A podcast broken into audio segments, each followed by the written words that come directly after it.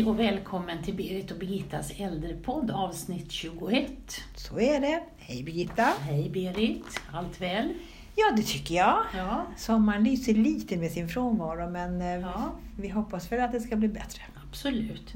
Eh, Vi tänkte bara återkoppla. I avsnitt 17 så pratade vi om eh, robotar. Ja, och det vi önskade oss, du och jag, det var en snöskottarrobot. just det. Och då var det så att den 19 juni så har Trafiksäkerhetsverket lyssnat på oss.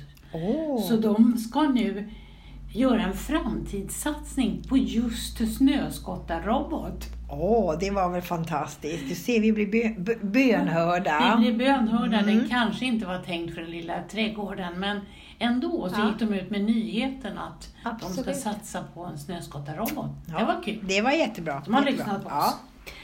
Sen dagen innan, den 18 juni, så hade man ett inslag i Studio 1 om hemtjänst. Mm.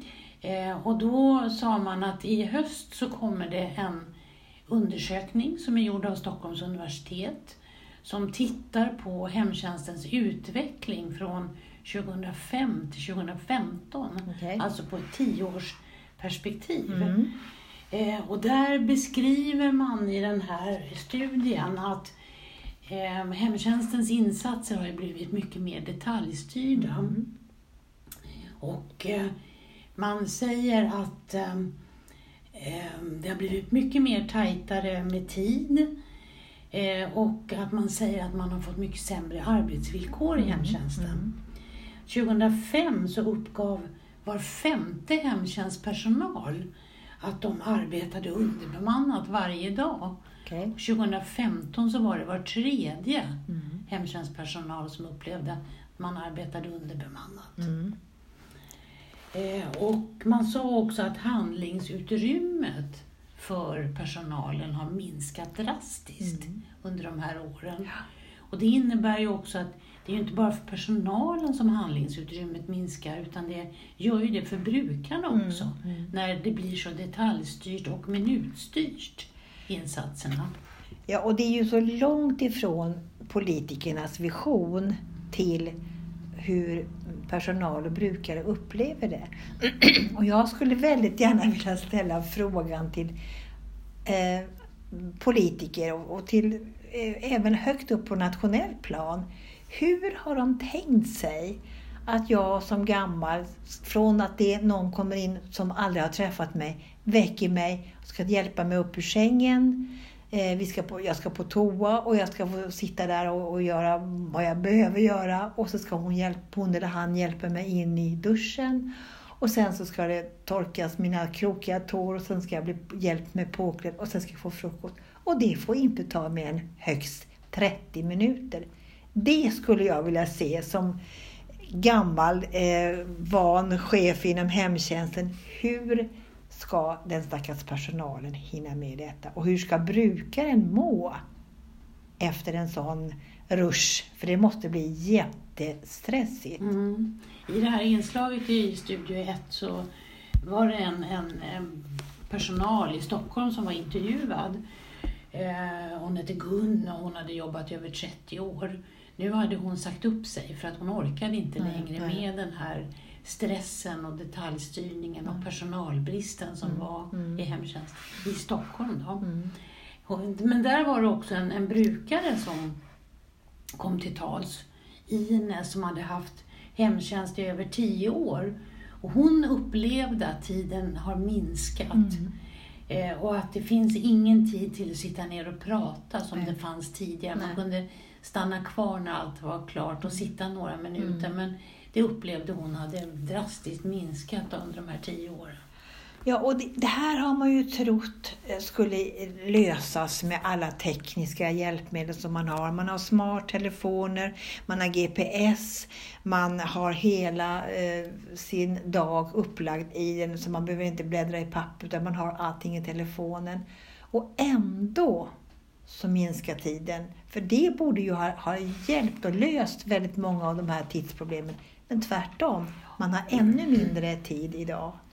Man har, man, den här undersökningen som kommer i höst, den kunde också slå fast att under den här perioden så hade antalet besök för den enskilde undersköterskan ökat från 9 till 12 besök per dag. Mm. Eh, och det är ju alltså 9 till 12 besök per dag, det är, det är en, en bra ökning då. Ja, och, och du ska, det handlar ju också om vilken tid på år, vilken årstid det är. Mm. För ska du, på sommaren kanske det går bra och, och man bara har lätta kläder och så här, men kommer du på vintern och ska ta av dig skorna eller sätta på dig skoskydd, eh, ta av dig ytterkläderna och allt det här, så tar ju det tid. Mm. Och, och allt tar mera tid än vad man eh, från politiskt håll någonsin har förstått, tror jag. Ja, och har man 12 besök, om det är 12 olika personer som man besöker, men det är det förhoppningsvis Nej. inte, utan ofta så kanske man kommer tillbaka till någon. Men det spelar ingen roll om det är 8-9 som jag träffar under en dag, så måste jag ju jag måste få den här lilla stunden att faktiskt ställa om mig. Det är inte samma sak att komma till dig Berit som att komma till- hem till mig. Det är, vi är två olika individer som vill bli bemötta på olika sätt. Och det måste man ha tid att samla ihop sig till. Ja, jag har alltid sagt att man, man får nästan vara lite som en kameleont när man jobbar i Mm. hemtjänsten. För att, som du säger, man måste vara vä- väldigt lyhörd för den man kommer till. Och för att mötet ska bli bra så måste du ju kunna veta och förstå vad den här personen vill och hur ni två ska kunna samspela. Ja, absolut. Och det tar ju också tid. Mm.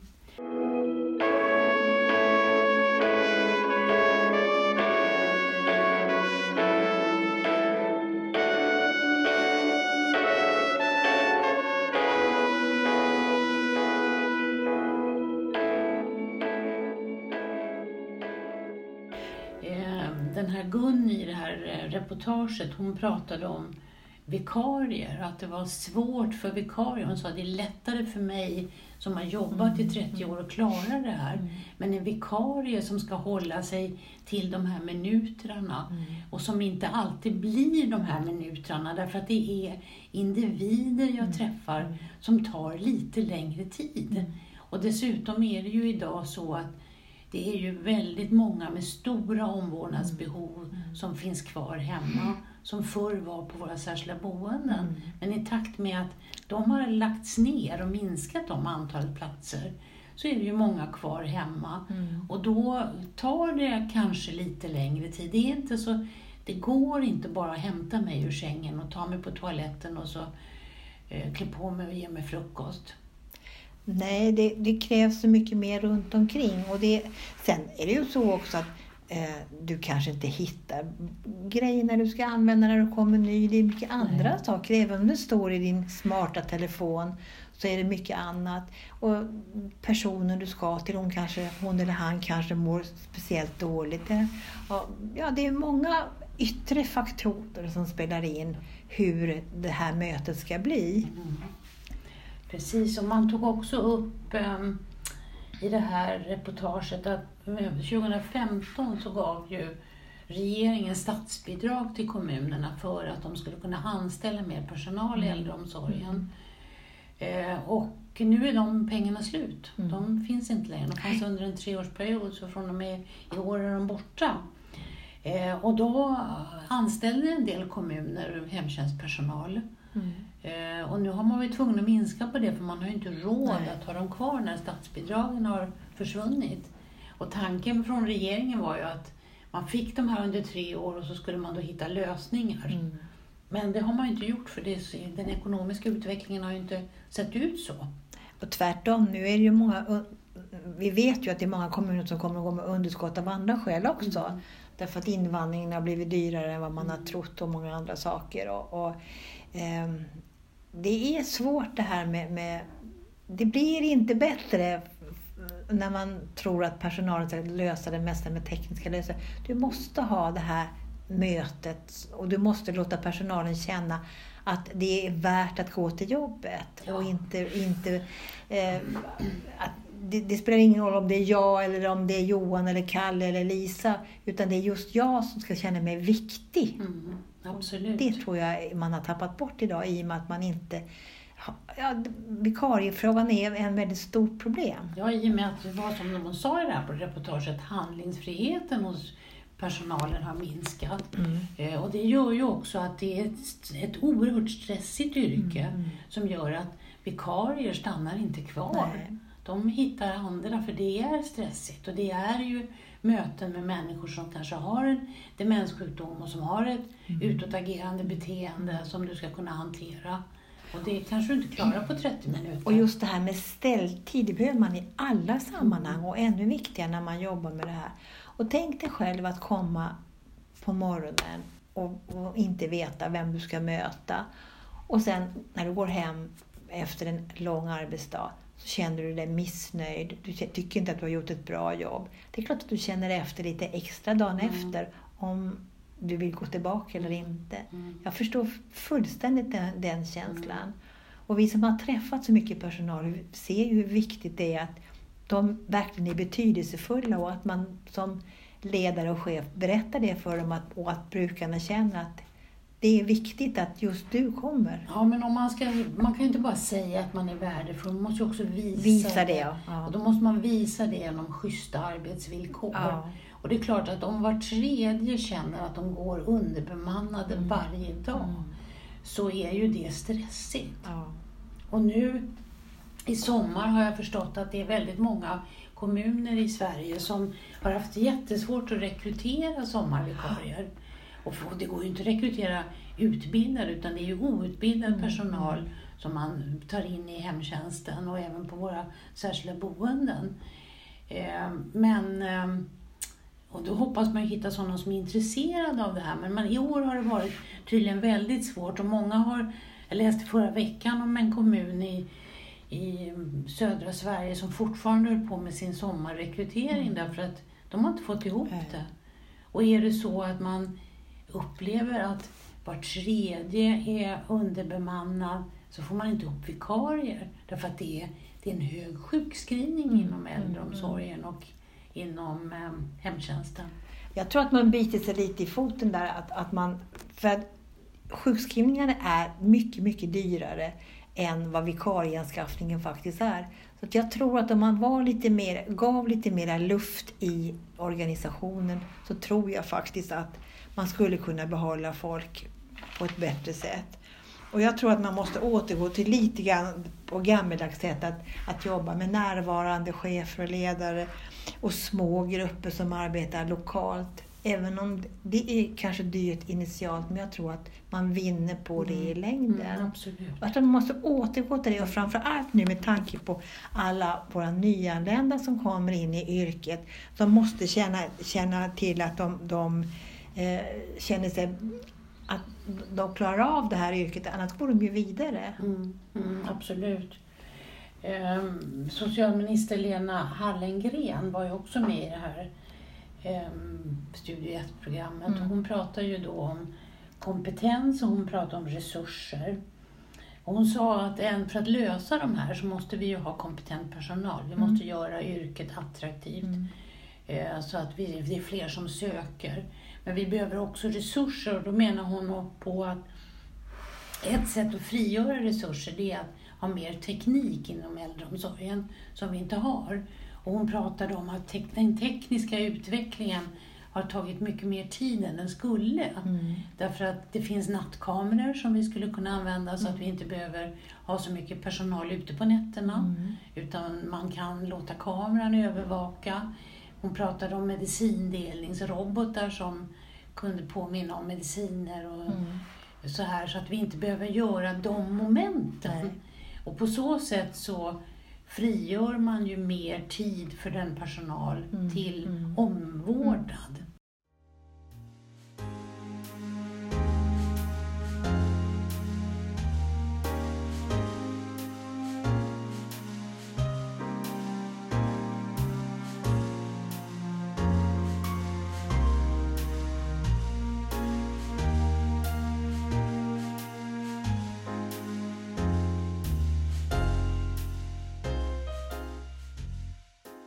Men även om du har en duschrobot där du kan Mm. bestämma själv och du får tvätta håret varje dag om du nu vill det och allt det här.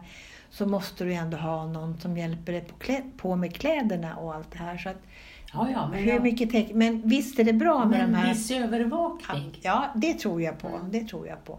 Och då kanske man kan övervaka flera än att man ska åka in Ja. och ut i varje hem. Och det, framförallt på nattetid tror jag Mm. man kan frigöra resurser till de som verkligen Mm. behöver den fysiska omvårdnaden på ett annat sätt. För jag tror ju inte, alltså de flesta av oss ska ju sova på nätterna. Ja. Även när man är gammal. Ja. Så man behöver ju inte ha någon som kommer dit till en. Om det inte är så att jag måste få min blöja bytt eller bli vänd eller Mm. av något annat skäl, att jag måste äta eller vad det nu är för någonting. Men de flesta av oss kan ju faktiskt klara sig utan att hemtjänsten kommer på jag tror att det är nätterna. bra att ha en övervakning så man inte blir väckt, för det är ju också Mm. riskfyllt faktiskt. Ja, det, vi, är, vi är väldigt bekymrade för det här med personalförsörjningen framöver och att människor inte väljer att bli det här. Och det här är ju ett gammalt problem som hela tiden eh, dyker upp. Men som sagt jag tror att man måste eh, få till bättre okej, teknisk lösning så långt det bara går, men man måste också ha en bra arbetsmiljö och schyssta villkor för de som jobbar i den här eh, jätteviktiga omvårdnadsverksamheten.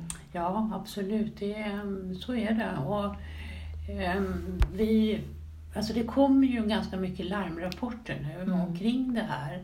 Eh, det har varit ett par rapporter om människor som inte har ätit och gått ner i vikt och, och legat ensamma och haft Mm, sår och mm. allt möjligt. Det finns ju andra aspekter av det också. Det är ju faktiskt så att en del tackar nej till Mm, insatser ja, ja. vill inte ha. Absolut. Men det, det skapar en oro Mm. hos äldre personer. Att hur, ska, hur ska det bli när jag blir äldre och behöver hjälp?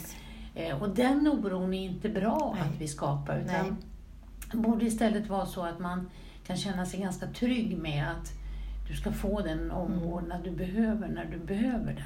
Att man med tillförsikt kan se att Mm. vi är ju oftast väldigt friska långt upp i Mm, åren och det är en kort kanske tid Mm. vi behöver den där speciellt extra omvårdnaden. Och den borde vi få se med tillförsikt. Eh, att vi inte behöver vara oroliga utan vi kommer få en tryggad äldreomsorg även när, när, du och jag behöver den, Mm, om vi behöver den. abs- Absolut. Och sen är det väl så att man måste väl använda de resurser man har på rätt sätt. Absolut. Titta på allt det här andra med inköp och städ och tvätt. Kan man lösa det på något annat sätt så att inte utbildade undersköterskan behöver göra det utan Nej. hon får jobba med omvårdnad. Det hon, det hon faktiskt Ja. är utbildad Mm. för.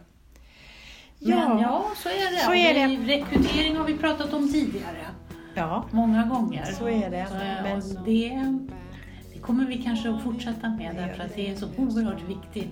Och det togs också upp i det här Studio 1. Och vi följer debatterna och vi följer det här väldigt noga så att vi återkommer.